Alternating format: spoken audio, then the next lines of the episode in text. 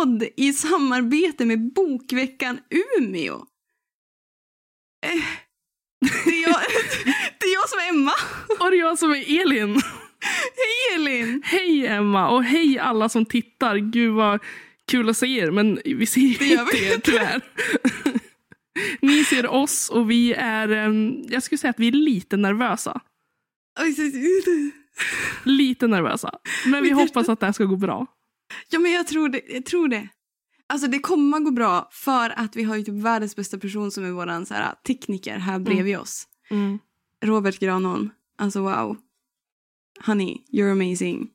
Han har layouten liksom. alltså hela layouten, allt ljudtekniskt, allt digitalt, mediamässigt, att ni ens ser oss. Förhoppningsvis ser ni oss.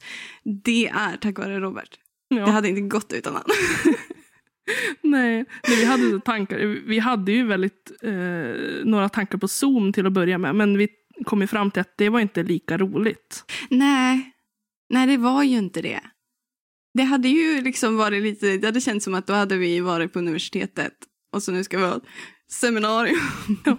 Men förhoppningsvis har alla som vill titta nu har kunnat komma in på länken och att det är klart. Jag tror att ni kan skriva i chatten om det skulle vara någonting. Ja, ja, precis. Det kan ni Eh. göra. Om ni bara säger så här, nej gud vad... jag tänkte, nej gud vad dålig nu, men det vill jag inte säga. Skriv gärna något uppmuntrande istället. men eh, vad eh, ska vi prata om idag? Jo, böcker. Ja, precis. Ja, böcker. Det är väl en röd tråd genom hela den här podden. Ja. Men vi ska ju ha en gäst. ja. Halv, klockan halv. Klockan Ungefär. halv nio ungefär. Kommer Eh, ju Maria. Maria Jönsson. Ja. En av våra lärare. Ja, och också en universitetslektor på Umeå universitet som Mm. forskar eh, väldigt mycket kring eh, barn och ungdomslitteratur. Hon, också, hon håller väldigt mycket på med litteraturdidaktik som är it's my, it's my thing, you know. Ehm, och sen så även lite, liksom, eh, inte lite, men hon håller också väldigt mycket på med det här med det feministiska perspektivet i litteratur. Mm. Så det ska bli ett förbannat spännande samtal. Förbannat roligt. Samtal. Hon, hon är ju så Samtal. himla intressant att lyssna på också. Ja men alltså hon är ju den godaste. Hon är ju Också. så kunnig. Ja men oj, kära värld. Kära någon. Kära någon. Eh, Jag säger det, jag ska försöka att inte ta så många fula ord i min mun idag. så, kära värld, kära någon, kära rara kommer Men jag känner så här, det här är vi. Ja, är vi, vi ska bara vara de vi är. Kämpa på. Eh, Men vi tänkte väl någonstans idag att ni ska få lära känna oss lite mer. Vi pratar lite grann om, om vår läsning, vad vi tycker om. Om Eh, vårt skrivande, ja. berättande. Och lite så här liksom, varför är vi ens inne i det här liksom? Mm. Nu är det återigen det här skitkonstiga att man sitter och tittar på en skärm men man vill titta in i kameran för man vet att ni, då får jag ögonkontakt med er som tittar. Mm. Men nu, jag vill ju ha ögonkontakt med dig också. Ja, vi får liksom fara lite upp och ner. Har lite, ögonen går överallt. Det är ett dilemma. Ja. Deal, Emma. Dilemma. Åh. Det är mitt, det är mitt sådär standardskämt. Det har det varit typ såhär, senaste året. Om någon kommer med ett problem, jag bara dilemma, dilemma. Eh, Bara så här, helt apropå ingenting. Du, du skickade ju ett jätte, jättedåligt skämt härom natten. Ja. Vad var det? För, ja. Berätta skämtet, för jag kan inte, jag kan inte ge det rättvisa. Nej, men jag, jag eh, har varit lite stressad de här två senaste veckorna. Eh, för att vi har haft väldigt mycket att göra på jobbet. Och jag jobbar ju som engelsklärare. Eh, och jag vet inte, jag kunde inte sova. Och så bara pluppar upp i huvudet. Så då vill jag bara säga så här, vill ni höra ett ruttet skämt? Ett ruttet bilskämt. Ett ruttet bilskämt. Och då säger jag bara så här, carrot. Car rot. Rot. Det tagit- är, det är Elins fel. Det är, det är liksom, jag, kan inte, jag kan inte hjälpa mig. Liksom. Det, det är bara skit. Men Det sjukt. det roligare var att jag inte tyck jag tyckte inte att det var så roligt som du trodde att jag skulle tycka. Alltså jag satt och fnissade så mycket så här, klockan halv ett tror jag klockan var på natten liksom och bara Och jag låg och sov. I'm Som en baby. person. Men okej. eh, Ja. Okej, läsning, böcker, litteratur. Ja, precis. Det är det vi ska prata om. Jag tänkte bara, vad, vi pratar ju ganska mycket i, som sagt, i våra avsnitt om vårt eget läsande och vårt eget skrivande. Men någonstans vet jag inte om vi har pratat så mycket om varför, varför det är så viktigt för oss. Nej. Eh, varför är läsning så viktig för dig? Ja. Wow. Det bara är det. Ja. Får jag svara? Nej, jag ska. Ja. Eh, Jag har ju, det har jag ju sagt några gånger. Jag har ju alltid läst.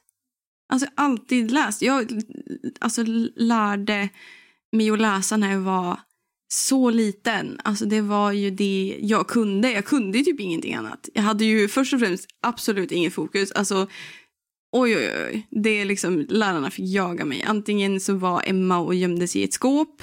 Eller så hade, slogs hon med någon. Liksom Mm. på riktigt.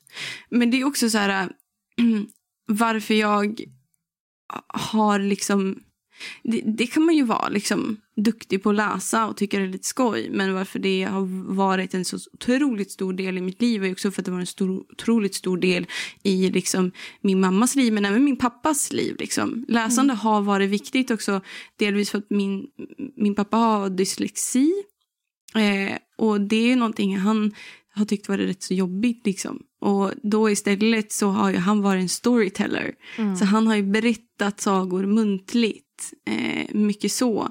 Och mamma har varit den som läst. Så det har ju blivit som att okej, böcker är viktiga men även liksom storytelling Mm. har varit viktigt i min, i min familj, alltså i min omgivning. Men sen så spenderade jag ju väldigt mycket tid under min uppväxt med att inte kanske har funkat så bra i sociala kontakter. Eh, och funka så bra med eh, vänner.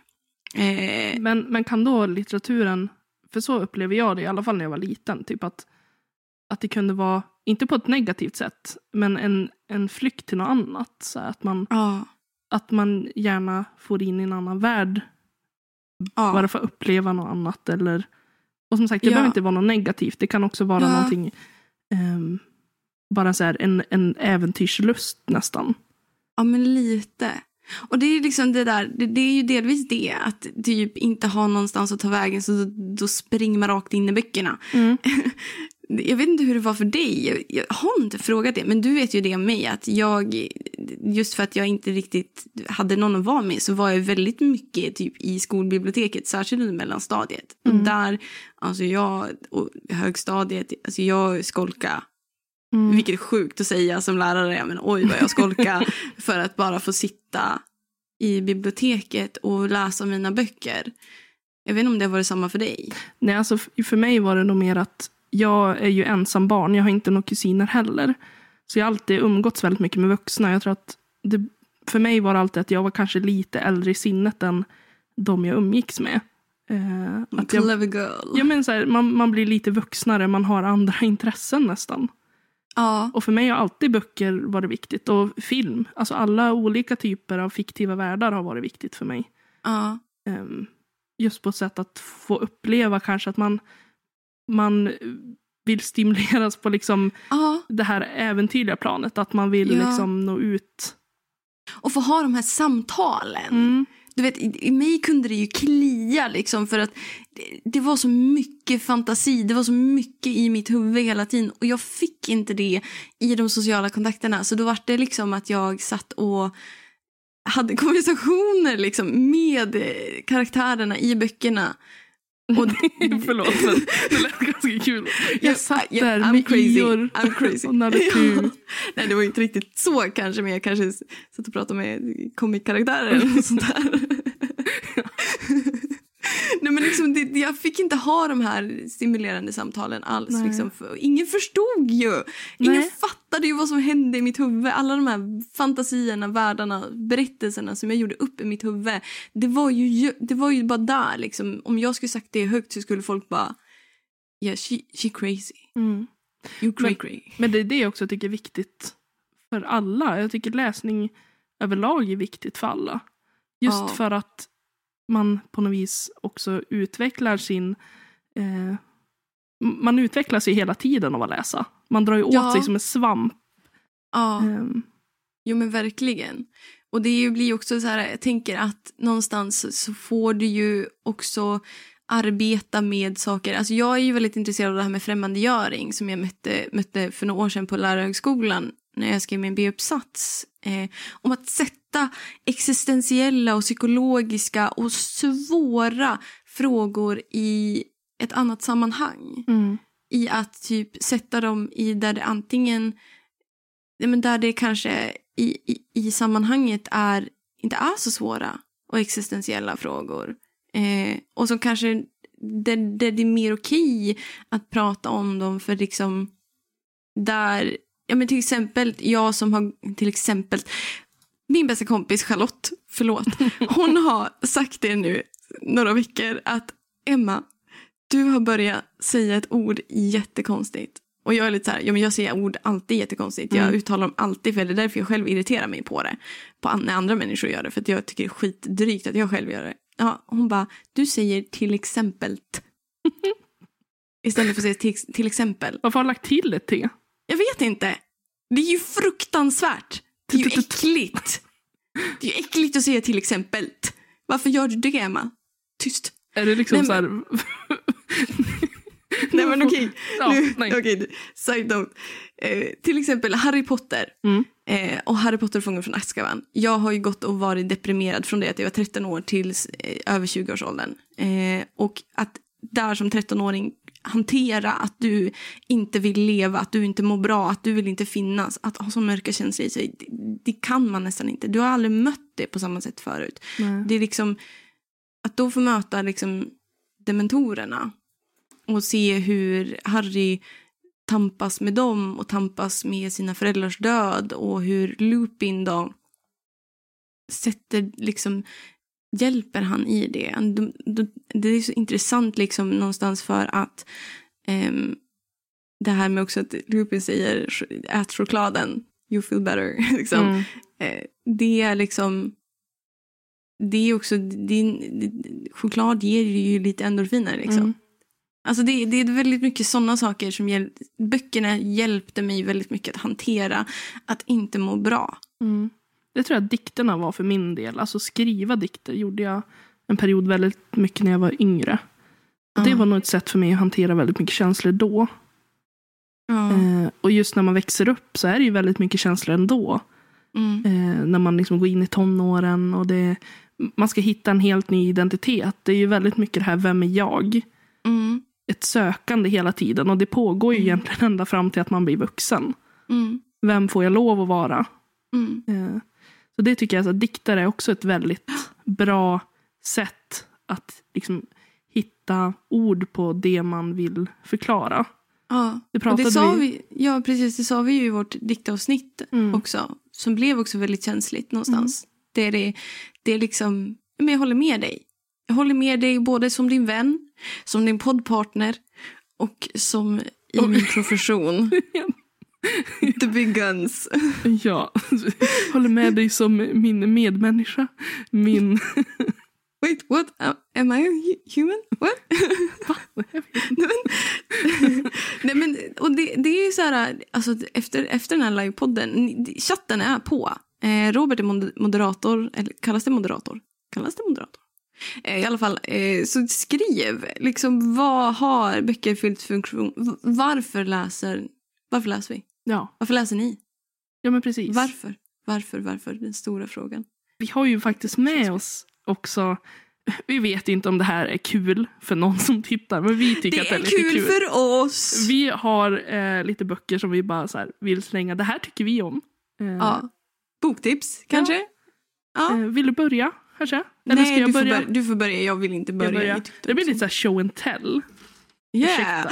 Show and tell som man gjorde när man var liten. Ah, Ja. Okej, kör. Mm. Ja, var ska jag börja? Eh, ja. Eh, det här är en bok som jag köpte på bokveckan, eller på bokveckan, på bokrean.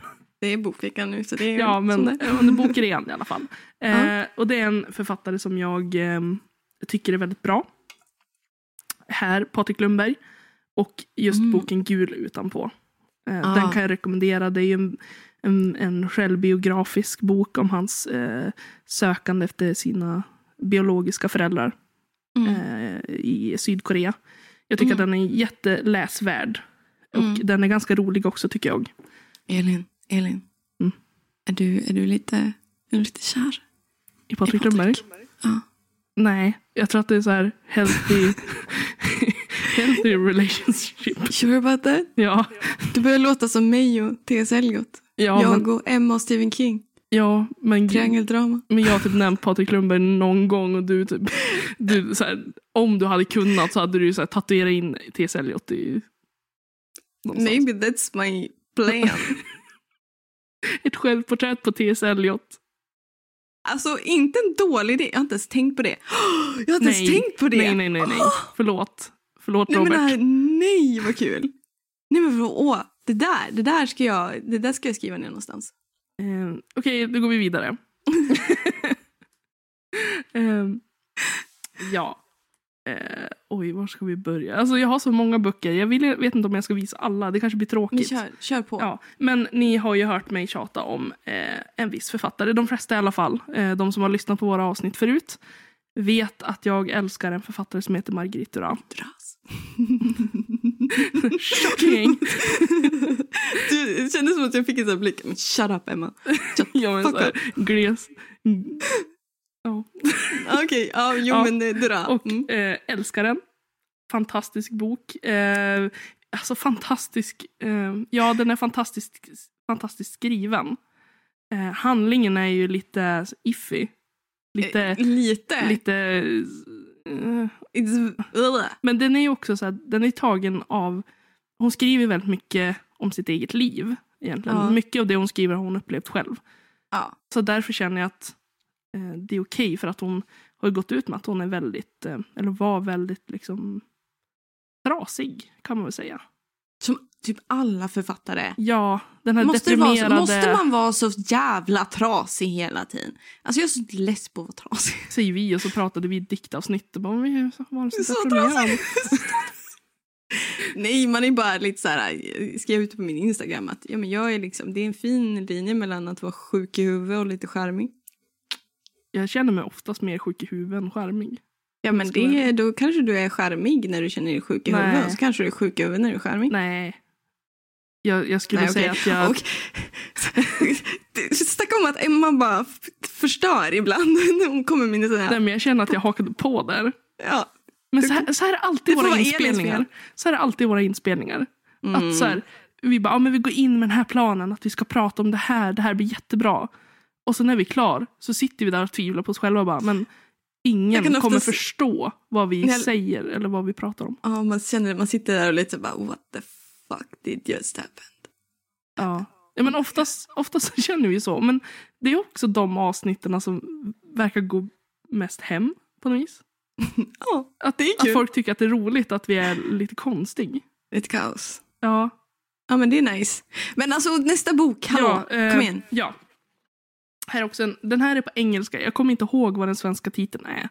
Men Mm. The Rickshaw Boy av Lao She. Så, så, så är det. Så, så. handlar, det är en, jag tycker att det är en jättefin bok. Eh, Det handlar om en man som vill... Det enda målet han har i livet är att få äga en egen liten sån här rickshaw och få driva en litet, ett litet företag och kunna leva på det. Det var väldigt fattigt på den här tiden. Den utspelar sig under tidigt 1900-tal. Ja. Ehm, och han jobbar och jobbar och jobbar och liksom försöker tjäna ihop till sin egen vagn. Han eh, springer dag ut och dag in nästan och skjutsar runt på folk. Okej. Och det är en så fantastisk karaktär. Man får verkligen, man känner verkligen med honom. Eh, och det är, inte, alltså, det är inte alltid lyckligt men väldigt, väldigt fin bok. Jag tror vi nöjer oss där så länge så, så kan du hoppa in. Vi hoppar in. Du är så himla, du är så himla... Fan Elin, du är så himla, du är så himla tuff. När du är sådär, du, du liksom, det är bildningsorienterad litteratur. Det där, du lär dig någonting om det. Så kommer Emma med sin fantasi. Ja, men, Okej, men jag har böcker. Jag är så här, så här är det. Alice i Underlandet. Ja. Nej men alltså på riktigt, kolla in den här boken. Det här är Alice i Underlandet. Alice i Underlandet är en saga och en fantasy och en allmänt sjukt bra bok. Alltså så är det ju bara. Mm. Det vet väl alla, tänker jag säga. Em, och det, jag, valde, jag har ju flera olika versioner men jag valde just den här för att den här det är den här jag pratade om i första avsnittet som jag fick som en gåva som är värd alldeles för mycket för att jag egentligen ska vilja visa upp den i en livepodd. Hej alla tjuvar, kom hem till Emma. Adressen Här finns är... det bö- pengar och böcker. I, ja, Och så visar du upp den igen.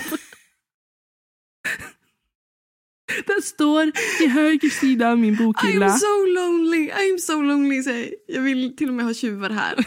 Bjuda på kaffe när de kommer. Är ni här för att ta Alice? Ja. Den här är från 1890.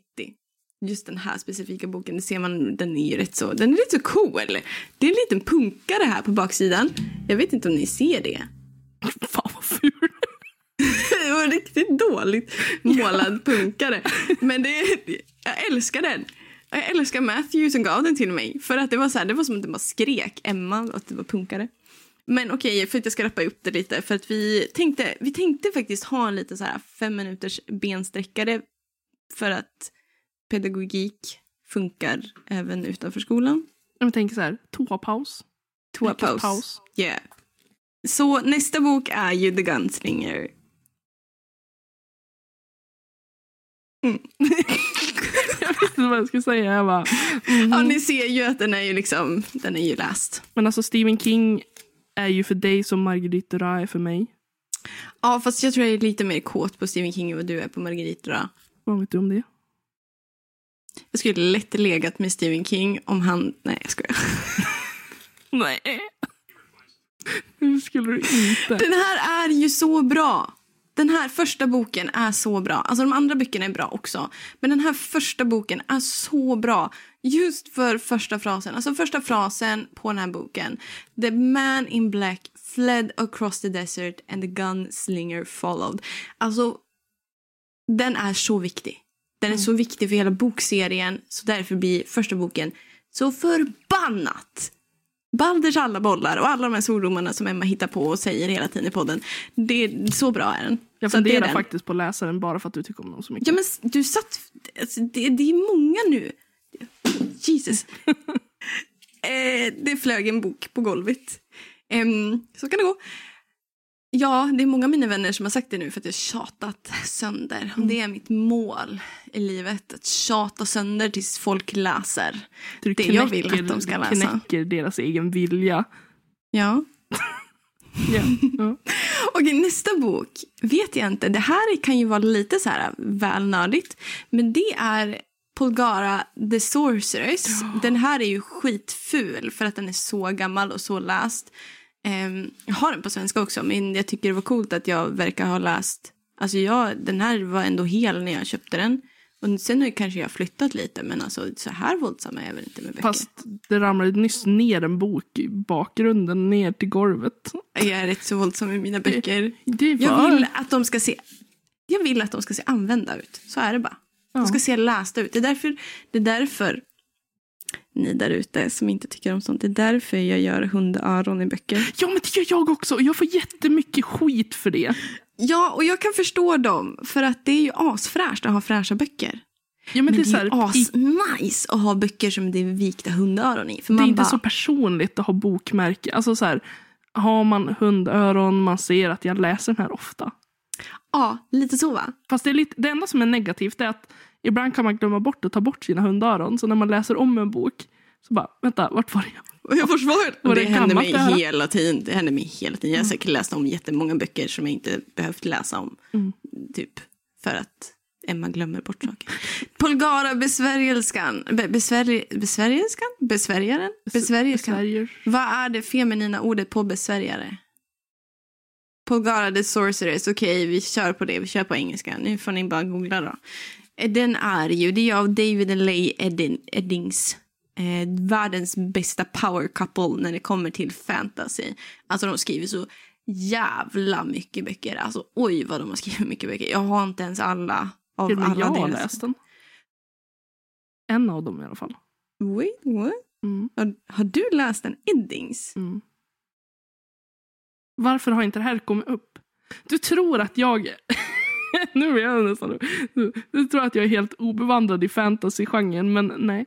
Jag har faktiskt läst en av dem. Jag har en, till och med. What Mm. the fuck? Varför har du inte sagt någonting? Alltså Elin, När, jag känner mig skulle det ha kränkt. kommit upp? Bara, eh, by the way, uh, Polgara. Men du har kollat in i min bokhylla Ja, och sett att det funnits Du Eddings har där ju och 10 Polgara. miljoner böcker. Hur ska jag någonsin kunna prata om allihop du har där? För det ska ju ta flera år.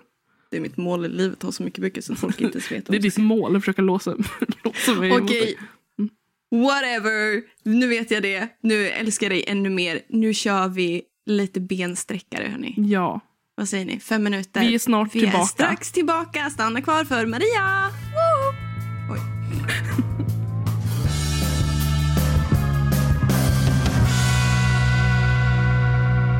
Hallå! Hallå! Nu är vi tillbaka med våran gäst, Maria Hoppas Jönsson. ni har gjort en powerpiss nu. Kissar fort. Men välkommen Maria, kul att du ville vara med. Tack så jättemycket. Det känns Eh. superroligt att titta in här och se. Ja, det, det känns bra. Det känns jättebra. Men vi, vi känner ju till dig, för vi har haft dig som lärare också på eh, litteraturvetenskapliga programmet. Eh, och du är ju också universitetslektor.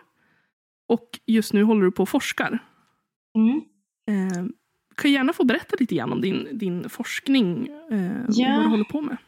Ja, men eh, jag har stött på mig som lärare och då brukar jag oftast ha de kurser och delar som handlar om barn och ungdomslitteratur. Men jag brukar ja, andra saker också. Men det är det som är mitt forskningsområde. Mm. Eh, och nu har jag lite mer tid för det i vår. Och eh, jag håller på med bilderböcker mycket. Ehm, ja, barn och ungdomslitteratur generellt. Men eh, jag har skrivit också om andra saker. Kerstin Thorvalds författarskap har jag skrivit hyggligt. Fun, fun fact. Fun fact om Mm. Torvald. Hon, hon är ju typ från Sollefteå va? Det vet jag, det stämmer nog kanske. Det är ju min, det är ju min barndomsstad. Min Okej. hemstad. Är Jag tänkte kul. säga att det var din barndomskompis. Yeah, we're best friends. Hon och jag. Buddies, you know. Ja, Ja, speciell vän att ha som barndomskompis. Ja. jag känner det också. Mm. Nej, men hon, hennes författarskap har jag skrivit en bok om och hon har ju skrivit både för barn och vuxna. Så det var den vägen jag egentligen kom in på barnlitteratur, att jag skrev om hennes ehm, litteratur för barn och unga.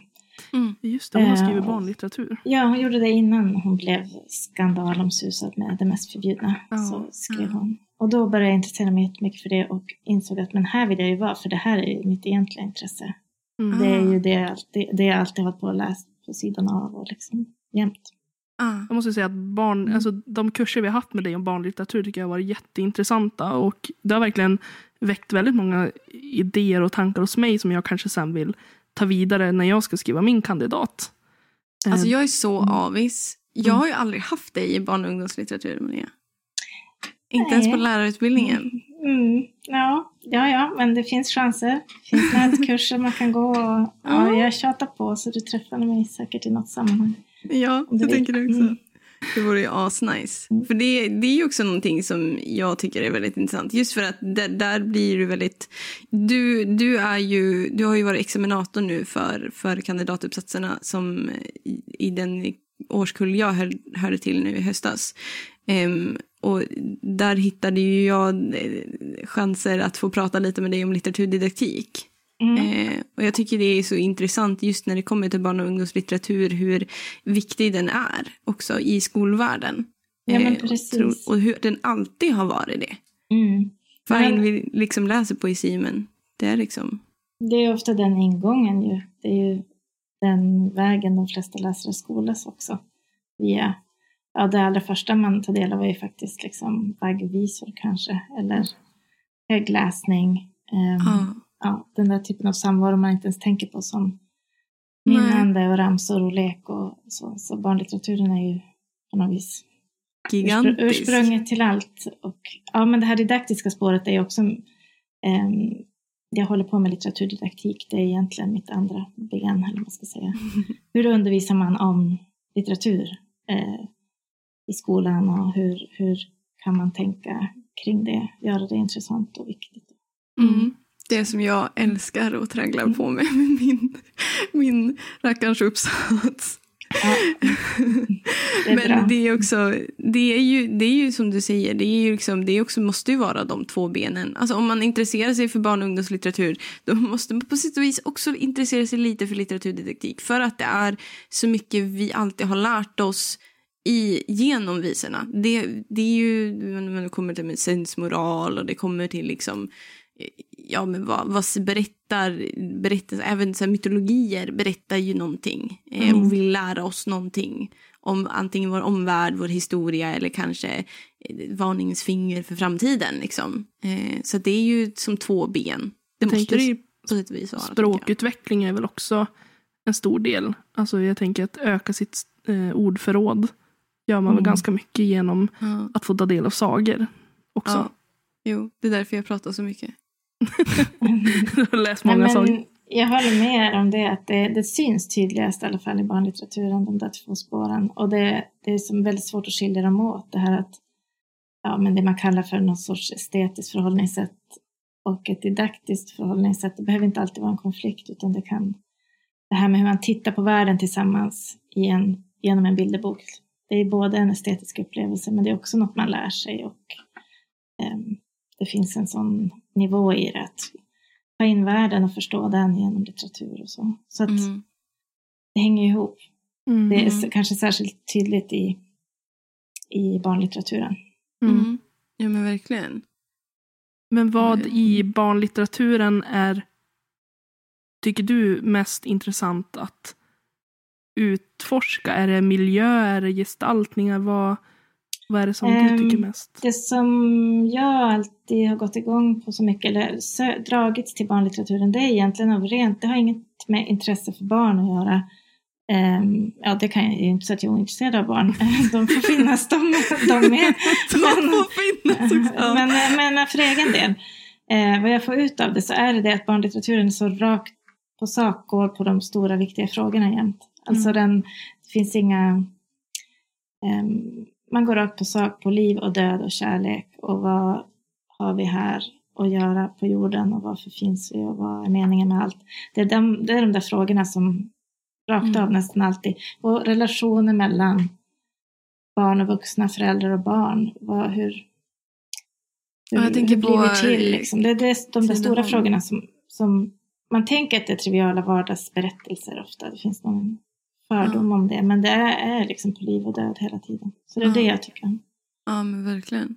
För det, jag vet inte om du hann höra det lite, men varför, jag berättade varför jag, liksom varför det var så viktigt för mig att läsa. Och att det var delvis det jag kan säga pinpointa, en bok jag kan pinpointa är ju Harry Potter, för att vi tillhör också Harry Potter-generationen.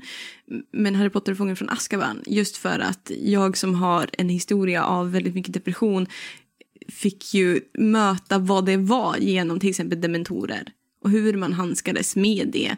Jag hade ju ingen aning när jag var 13 år. Jag tror inte ens jag hade kanske inte hört talas om vad depression och panikångest och ångest var. Eh, och så fick jag lära mig det genom en, en barn och ungdomsbok. Liksom. Mm. Du fick en livserfarenhet eh, Ja. genom läsning. Och Ja. det är precis så tror jag det fungerar. Att man får man kan faktiskt göra livserfarenheter. Alltså att man kan tänka på läsning och litteratur som livskunskap i någon mening.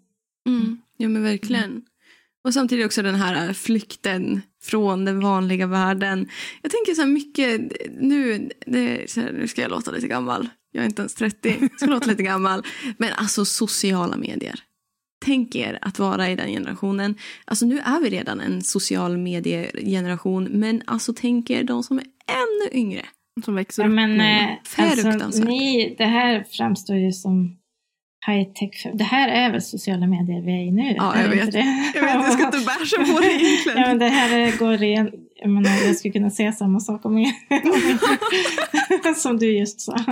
Och mina föräldrar och mig. Och eh, så där har det väl hållit på kanske sen. Mm. Jag tänker att den här informationsfloden eh, floden som är nu på ett sätt som jag kan på sätt och vis tycka var lindrigare när jag var yngre. Den, är- den är ju massiv. Alltså, det, du får ju veta allt om alla från hela världen. Hela tiden den här verkligheten och hela tiden att behöva handskas med det verkliga livet på ett sätt som jag tror att jag kanske inte riktigt behövde på samma sätt. För att jag satt inte på Instagram, jag satt inte på TikTok, jag satt inte på Snapchat 24-7 som många barn och unga gör. Um, och jag kunde ändå känna ett behov att behöva fly från min verklighet, fly mm. från min vardag, få njuta, ha mina, ha mina konstiga samtal med mina konstiga karaktärer. Det, det var viktigt. Och hur viktigt det måste vara nu att få typ någonstans kanske reboota hjärnan genom litteraturen. Eh, tänka sig att det finns mer än, än den verkligheten som är så krass och kall någonstans. Jag tänker mig också att typ sociala medier medför en sorts censur också.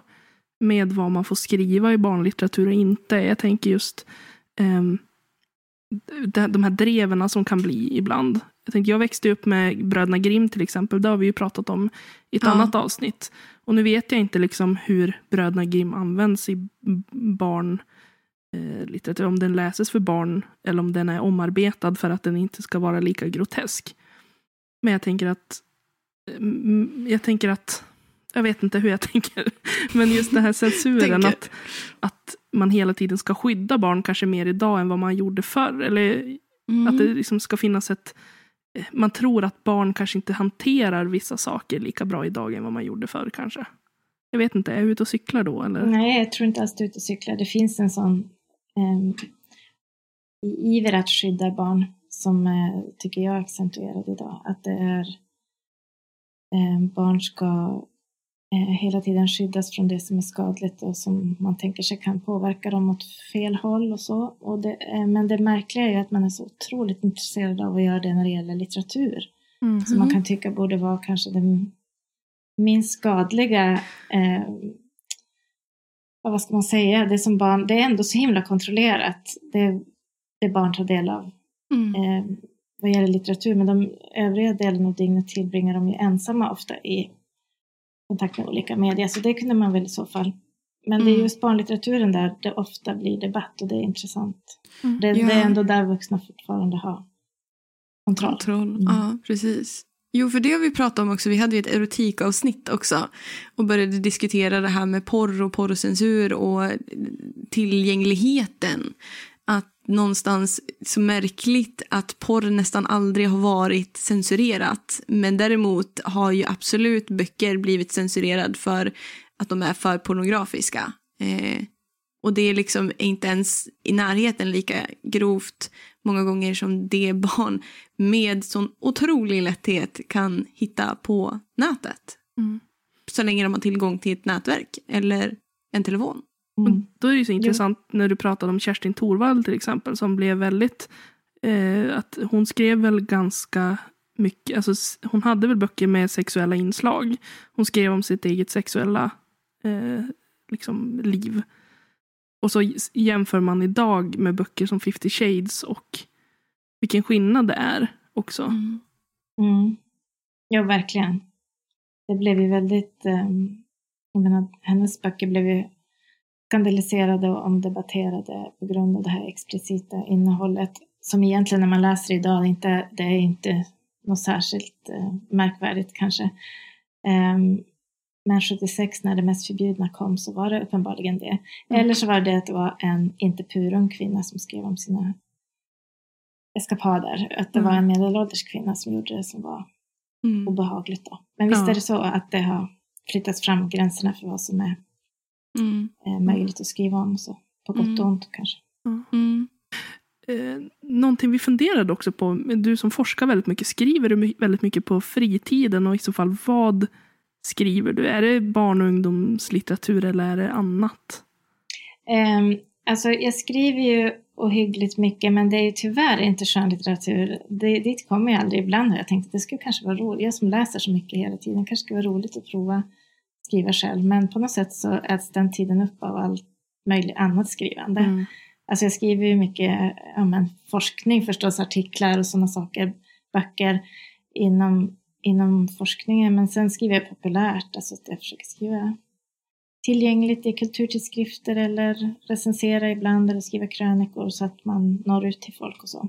Mm. Um, jag skrev en gång i världen två ungdomsböcker tillsammans med några vänner. Så jag, jag kom på det när, eh, inför det här. Men herregud, just det. Show us. Visa. Ja, men de här, och ni är för unga för att ha sett varit Ett, utsatta för de här. Ett hjärta i jeans. Och andra texter av tjejer om tjejers grejer. Det är en bok som kom i slutet på 90-talet, 97. Då var vi Ah. 23, 22 kanske vi var. Eh, och det var den här första, den här vågen som kom då, en debatt kring unga tjejer. Tjejer blev ett fenomen på något sätt. Och man pratade om självskadebeteende. ja, Inte så mycket självskada var aktuellt då. Då var det mera ätstörningar som var Mm. okej. på tapeten och eh, utseendeideal och sådana saker. Så det här är en, eh, ja, det är noveller och dikter och för unga som vi, vad Skrev de. coolt. och sen kom den här Uppror pågår som är en feminister i tre generationer där vi har, det är också noveller och intervjuer med äldre kvinnor om deras kamp. Nej, gud vad Så. coolt. Om man, vill, om man vill få tag i de här böckerna, finns de att köpa? Eh, ja, så de puttrar på i sitt eget universum. De finns, alltså, de finns ju på antikvariat och sånt. Och, nej, vi känner, jag brukar känna så här. Eh, min royalty brukar vara tre kronor eller någonting för det här är på... Men de har, de har hela tiden levt vidare faktiskt. Ja, nice. Eh, men de finns nog kanske på antikvariat eller eh, Typ bokbörsen eller något sånt bokbörsen. där. Sånt där ja. ja. Men man ser det ibland. Här och där dyker den upp. Mm. Nej, vad Eller de- roligt. Mm. Var du, var du De kom- 22, var du 23, 22, 23? Ja, någonting sånt var det. De Helt kom i samma, om ni har hört talas om Fittstim som var den Ja. som blev, fick mest genomslag medialt. Den kom efter våran. Ett hjärta i jeans. Så ni Med var de som banade vägen? inspiration av denna tycker jag. Ja. Mm. Coolt ändå. Mm. Ja. Det, det är Ja, någonting att bära är med stolthet. Men där har det stannat faktiskt. Men jag tror att jag liksom hela tiden försöker, det sipprar ut i mina texter att jag har ett intresse för skrivande också. Mm. Men det känner man också. Så här, nu är ju jag bara en student på litteraturvetenskap. Men man läser ju så väldigt mycket och man skriver ju ganska mycket av föreläsningar och sådär. Så man hinner ju egentligen nästan inte skriva för sitt eget nöjes skull. Mm. Det Ja, har ju precis. stannat av. Och nöjesläsning har jag också liksom svårt att hinna med. Det är så Ja. mycket annat också som ligger i. Alltså, Mm. alltså jag, måste, jag måste vara sjuk i huvudet då. Men alltså jag tycker att jag, sen jag började litteraturvetenskapen, fine, när jag gick lärarskolan då är det så här, nej, jag vill inte. Jag vill inte se, jag vill inte ha någonting med någonting att göra. Men alltså sen jag började litteraturvetenskapen, oj vad jag har läst. Alltså jag slog mitt läsrekord förra året. Ja men läste jag, men nu visst var det skrivande alltså, vi pratade om. Ja. Jo, det är också skrivande. Ja, mm. Också skrivande. Eh, både läsa och Mm. skriva. Men absolut, absolut. Jag skriver Mm. mycket, mycket mer eh, Mm. innan. Nog Det kunde jag väl skriva liksom, dikter och sånt förut. Men nu, nu kör jag ju faktiskt på. Jag skriver väldigt mycket short stories. Och det, är- det är typ det roligaste jag vet. Mm. Eh, det, jag vet inte. Mm. Nej, men jag ser det nog inte ens som en, eh, något negativt att eh, man skriver. Alltså det är jättekul att höra studenter som skriver och jag blir så himla glad när man, ja, när man ordnar arrangemang och uppläsningar och grejer. Alltså man känner att, det, att det, läsande och skrivande sitter ihop. Så. Men jag tycker också att det är ganska kul att höra ibland när folk blir mer och mer läsare. För en del kan börja hos oss, bara, liksom, man vill bli författare eller man, man vill själv skriva, man vill själv ta plats. Och liksom. Mm. Och så drabbas man av den här läsdjävulen och blir en läsare. Lika Mm. kvalificerad, lika kreativt. Alltså det är också en form av skrivande på något sätt. Och Mm. det tycker jag är härligt. Så det är, jag vet inte om det alltid är... De här förlorade författarna vet jag inte alltid om de är... Alltså det är härligt att de blir läsare också. Kan jag Ja. tycka. Mm. Jag måste säga, jag Mm. fick ändå feeling efter eh, senaste kursen när vi hade barnlitteratur. Jag tror jag skrev två utkast till två barnböcker.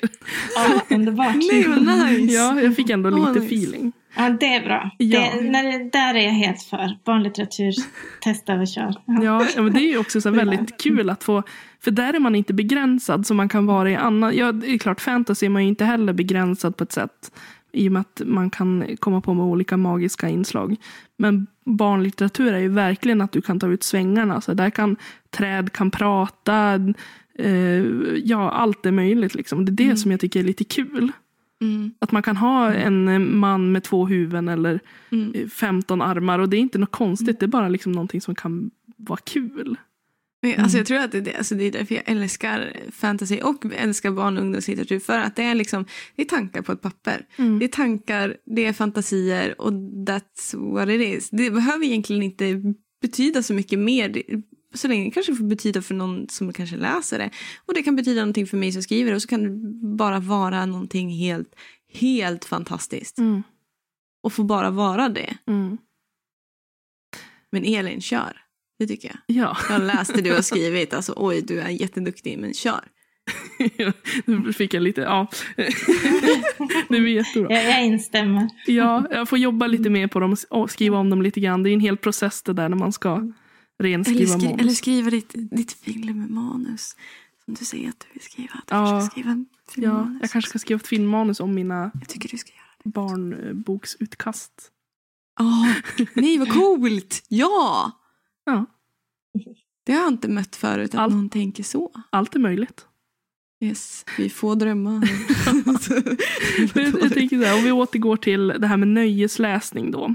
Mm. Eh, nu när du jobbar väldigt, du forskar väldigt mycket om barn och ungdomslitteratur. Är det det du läser på fritiden också? Eller är det skönt att kasta sig in en deckare? Eller vad läser du helst?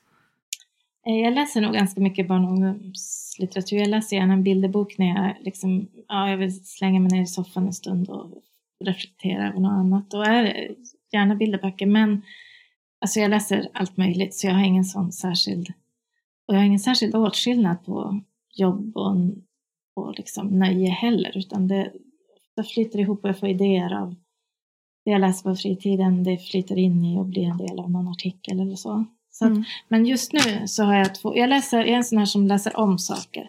Så att jag är egentligen inte så, jag har inte så jätte, jag kan lita om mycket eh, på vissa sätt. Men jag är en sån här som går tillbaka, det jag läser ordentligt, det, sånt, det kan jag läsa hur många, hela livet, hur många gånger som helst, liksom Mm. samma bok. Samma. Så att ehm, på sätt och vis är jag ganska smal, ska jag säga, i, i eh, min bildning. Och ehm, den, jag har läs, läser ofta om böckerna. Kerstin Bergström, väldigt okänd eh, för många författare från, brukar kallas för Kiruna-författaren. Mhm. Kerstin Bergström. Eh, blev liksom, hon debuterade på 70-talet tillsammans med de här Kerstin Thorvall och, och de här skandalomsusade kvinnorna som skrev om sina liv. Men hon var inte en sån, men hon, eller en sån var nog det, men hon var inte, hade inte så många beröringspunkter eh, med, skriver ingenting om kropp och sex till exempel. Men hon skriver om sitt liv och hur man kan bli en fri människa något Ah. sätt. Den här heter Livstycken eller att fästa trådar. Och det Åh, är vad fin rubrik eller titel. Den är eh, eh, hennes näst sista, tror jag, roman. Och eh, den här, hon har skrivit självbi alltså självbiografiska romaner hela, Mm. hela tiden. Och den här är ett försök att knyta ihop säcken på något sätt i slutet av livet. Den, den är väldigt fin. Så den har jag återvänt till. Det handlar om Nice. ja, tidens gång på något sätt. Mm. Sen håller jag på med det här. Herrn. August Strindberg. Nej. Oj. Nej. Nej, inte August Strindberg för Åh, Emma nej. för hon hatar August Strindberg. Ja, men eh, jag måste ju säga att jag har ju aldrig läst honom ordentligt.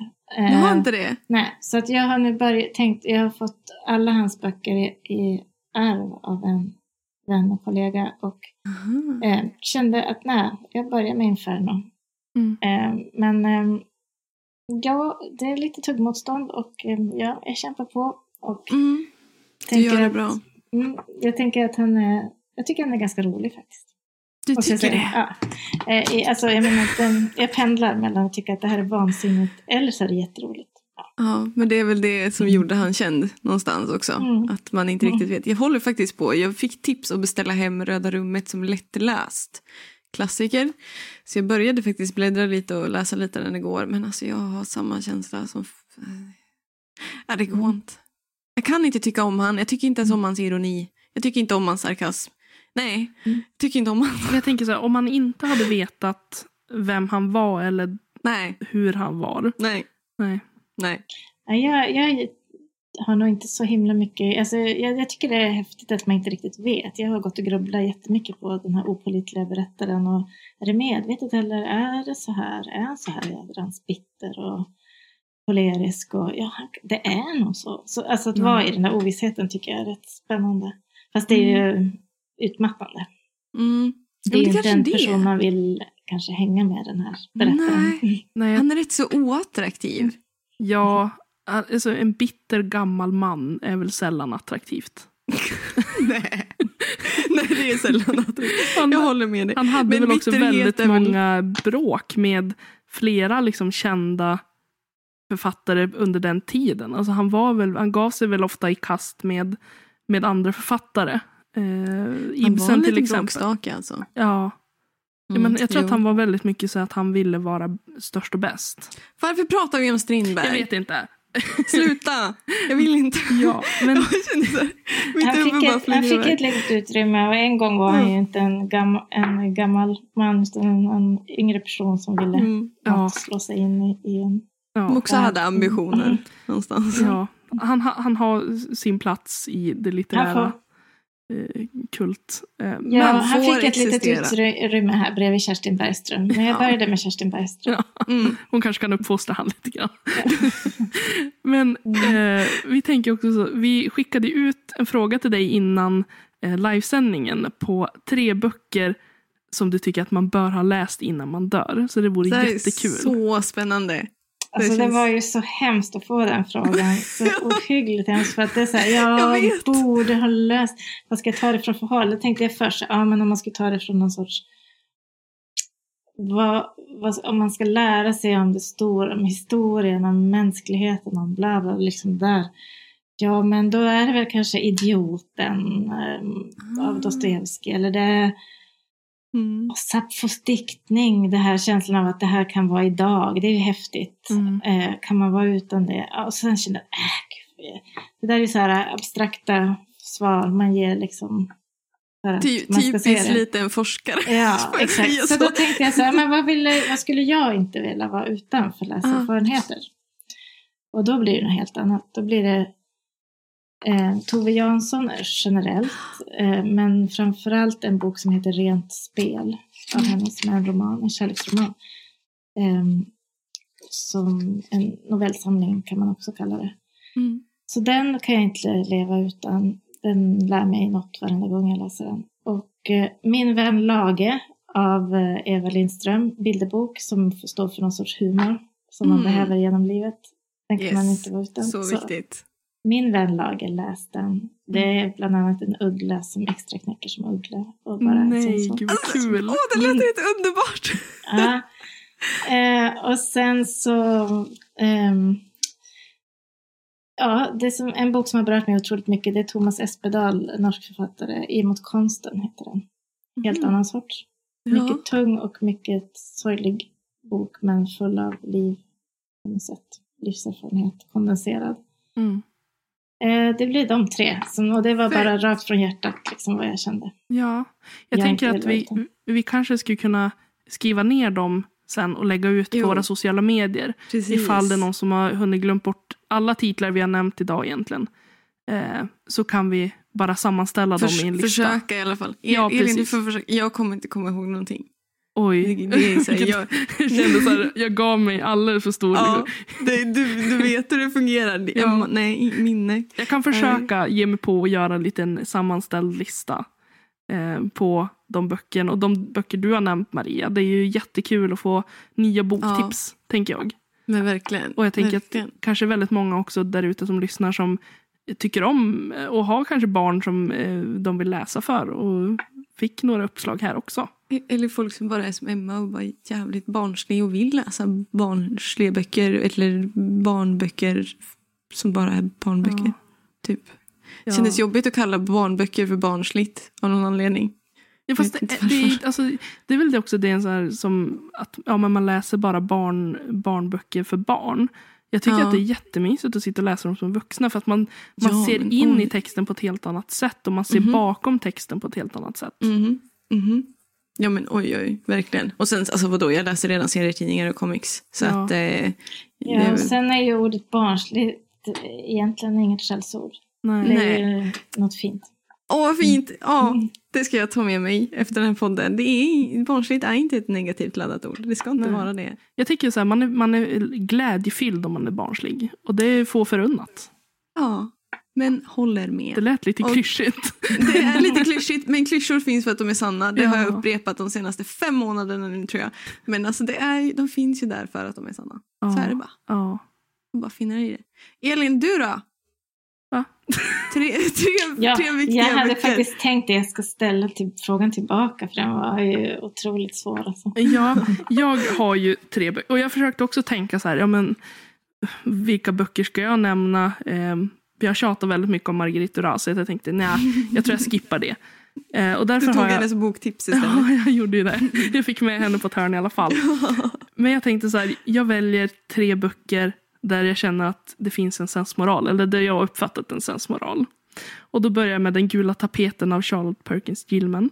Som vi pratade om i skräckavsnittet, vårt andra avsnitt som vi släppte. Ja. Eh, det är ju en väldigt kort, väldigt kort novell. Eh, äcklig, otäck, ja, fruktansvärt sk- fantastisk. Skräck. Den kan vara väldigt obehaglig. Men det finns ju en sensmoral också. Ja. Just att kvinnan bryter sig loss eh, från att vara nedtryckt och att någon annan bestämmer över ens liv. Att mannen liksom låser in kvinnan. Eller samhället. Ja, samhället. Det patriarkala samhället. Liksom. Mm. Eh, så det är ett, verkligen ett supertips. För jag, jag tycker den boken är så fantastiskt bra. Att hon kan skriva så bra på så kort tid, jag säga, men med så få ord. Mm. Det är ju en, en skicklighet som Alltså, väldigt... jag fick lite så här äh, graviditetsskräck efter att ha läst den. Nej, men det är inte graviditeten i sig som är... Alltså visst att hon får, hon får en förlossningspsykos. Men det är inte den som är läskig. Det läskiga är ju det här med tapeten. Så om det är någonting som man ska vara rädd för det är att vara i tapetserade rum. men okej, vi går vidare. Och den här boken har jag faktiskt här till hands. Och det är kanske så här... Det är inte till för alla för att eh, den är lite svår kanske. Men en bok som jag verkligen rekommenderar det är en pjäs, Tartuffe av Molière. Och den är ju, det är ju väldigt gammeldags språk. Eh, den kan vara lite svår att förstå men alltså den, den är så rolig. Eh, den är skriven på rim. Vilket jag älskar. Jag tycker att det är jättekul. Vi gjorde en, eh, faktiskt en barnbokstolkning eh, av den i, i, din, i, i din kurs. Och det var också jätte, jättekul. Det var asbra.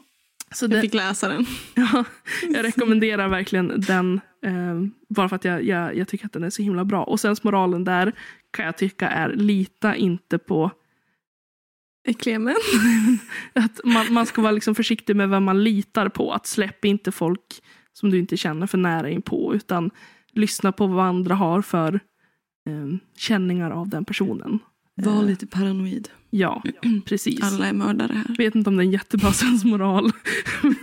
I, Den är lä- tydlig i alla fall. Ja, men precis. Om man läser boken så förstår man varför jag säger så. Och den sista är också någon som jag verkligen rekommenderar. Det är också en... eh, Den faller in inom barn och ungdomslitteratur. eh, Liksom. Godnatt Mr Tom av Mm. Michelle Magorian. Eh, Jag vet inte vad man ska säga om den. Det är en fantastiskt fin bok. Väldigt Ja. hemsk. Eh, Man blir väldigt berörd av den Otroligt. handlar om en pojke som eh, blir skickad ut på landsbygden under andra världskriget, den engelska landsbygden. Mm. Eh, och han går ju från att ha varit i ett hem med sin mamma som har misshandlat honom både fysiskt och psykiskt och Mm. får komma till ett kärleksfullt hem. Han får en helt ny familj. Mm, mm. Och jag tänker sensmoralen där är också att det finns alltid jag tänker att det finns alltid möjligheter att hitta lycka. Liksom att Mm. Oavsett vad man har varit med om eller vad som händer i ens liv så finns det alltid någonting som väntar som det kan alltid bli bättre. Mm. Så är också otroligt klyschigt, optimistiskt. Kärleken övervinner Ja, allt. men jag gillar sånt. Jag Ja. tycker om att få känna mig liksom, jag vill bli varm i hjärtat när jag läser någonting. Elin, du vill ha dina lyckliga slut. Ja, eh, det är inte alltid lyckliga slut i alla böcker jag läser men jag försöker sträva efter så mycket lyckliga slut jag kan. Så, nu lämnar jag över till dig Emma. Vilka tre böcker tycker Alltså, du? är... jag känner att jag börjar rodna. För ni är så rimliga. Ni är så verkligen så här... Ja. Hej, här kommer jag. jag. Första boken är väl ändå så här ett okej tips. Det är Silmarillion eh, av eh, Tolkien. Och det här är ju en hemsk bok. Eh, den är ju jättejobbig att läsa. den är ju överallt och den är kaos och det är, det är så mycket att hålla koll på. Men jag vet inte. Jag läste Silmarillion senast när jag var typ 22.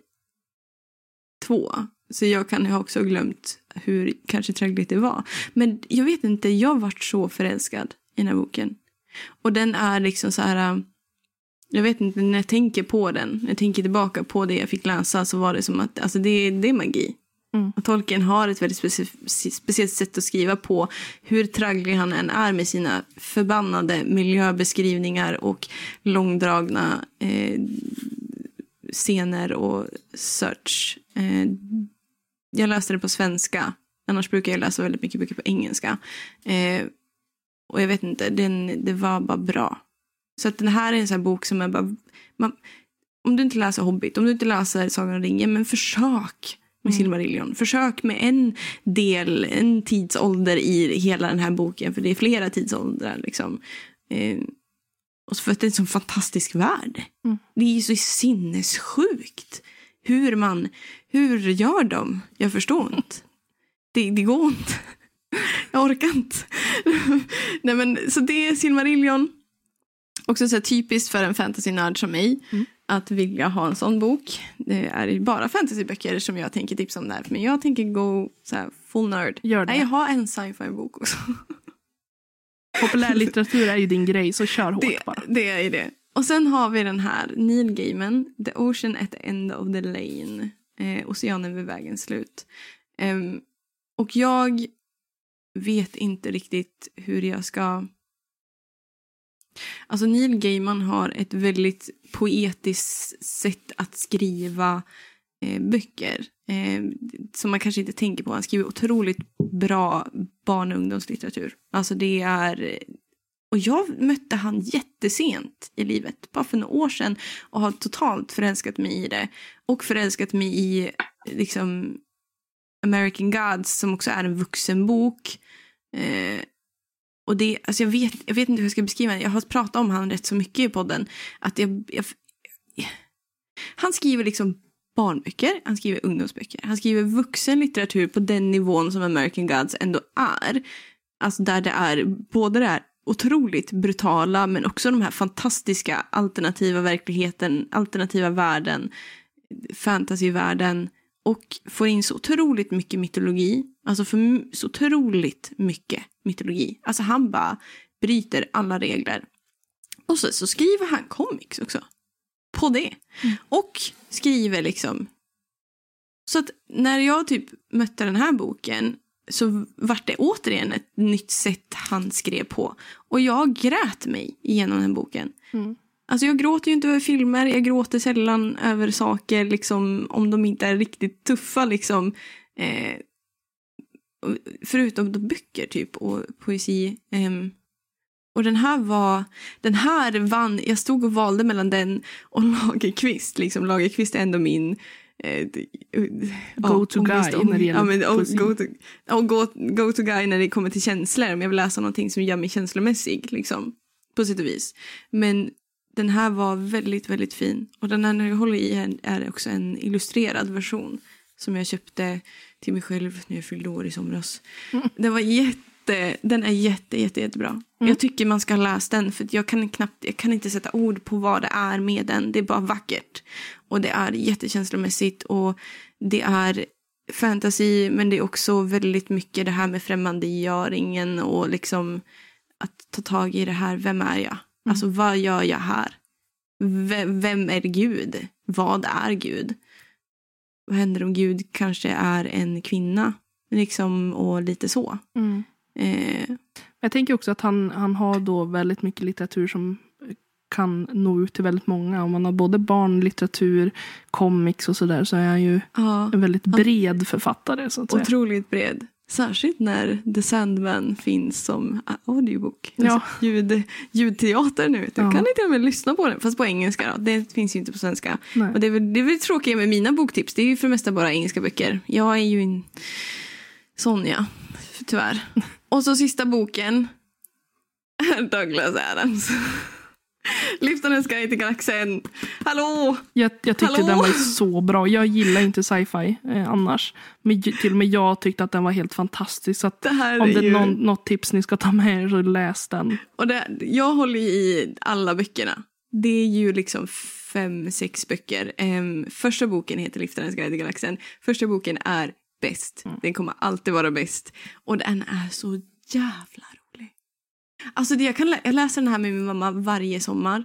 Varje sommar. Och alltså jag kan skratta och jag kan fnissa och jag skäms inte. Jag skäms inte om jag sitter på bussen eller om jag sitter på stranden och börjar asgarva. För att det är så fantastiska skämt. Det är så förbannat löjligt och det är så helt rätt och det är så här... äh, Ja, mänskligheten utifrån liksom aliens perspektiv, we are a turd. Vi är en liten bajskorv. Vi är inte värd mer. Nu kommer den här, the highway, här, motorvägen och nu, nu, nu är det så här att nu står du i vägen, precis som ett hus i, i, liksom, i, på jorden. Liksom. Nu ska vi bygga, ja då spränger vi upp den här, det var inte mer än det. Det fanns väl lite myror där som bodde där, men det är ju som det är. Alltså det är så himla nice och babbelfiskarna och de stönande dörrarna och den deprimerade roboten och eh, Marvins eh, otroliga, eh, fantastiska sätt att eh, uttrycka vad han tycker om människor. Eh, inte, han tycker inte om folk Nej. alls. Tycker inte om sig själv heller. Och sen bara den här, bara den här min, min bästa scen är ju när Marvin kopplar upp sig på rymdskeppet och rymdskeppet blir så otroligt deprimerad av honom att det, det, är ju jättehemskt. Men går att ta livet av sig. Ett, ja, det, det, det är svårt att förklara men Alltså, verkligen alltså, är ett kaos. jättetips. Men, Alltså det är det tipset. ja, men med det här kanske vi ska börja avrunda kvällen. För vi drog över tiden. Ja. Som vanligt. Men eh, jag tänker att det kanske inte gör någonting. Det har varit jättetrevligt att sitta här ikväll. Och tack Maria Ja. så mycket för att du ville vara med. Det har varit jättekul. Jätte, jätte, jätteroligt. Vilken klippa du är. Verkligen. Tack ska ni ha. Det var kul att få titta in här. Det känns som att det är ett litet rum där ni alltid sitter och pratar. Man kan Det är ju typ det. det är typ det. Välkommen till våran värld. det är hit vi flyr. Men eh, om vi alla är redo så säger vi hej då. vi kan säga, vi kan Ja. säga så här. Förlåt. Vi kan säga så här. Eh, vad, vad brukar vi säga? Musik och klipp av Magnus Kjellson och Robert Granholm. Management av Ida Berglund. Ja. Tack hörni. För att ni har lyssnat.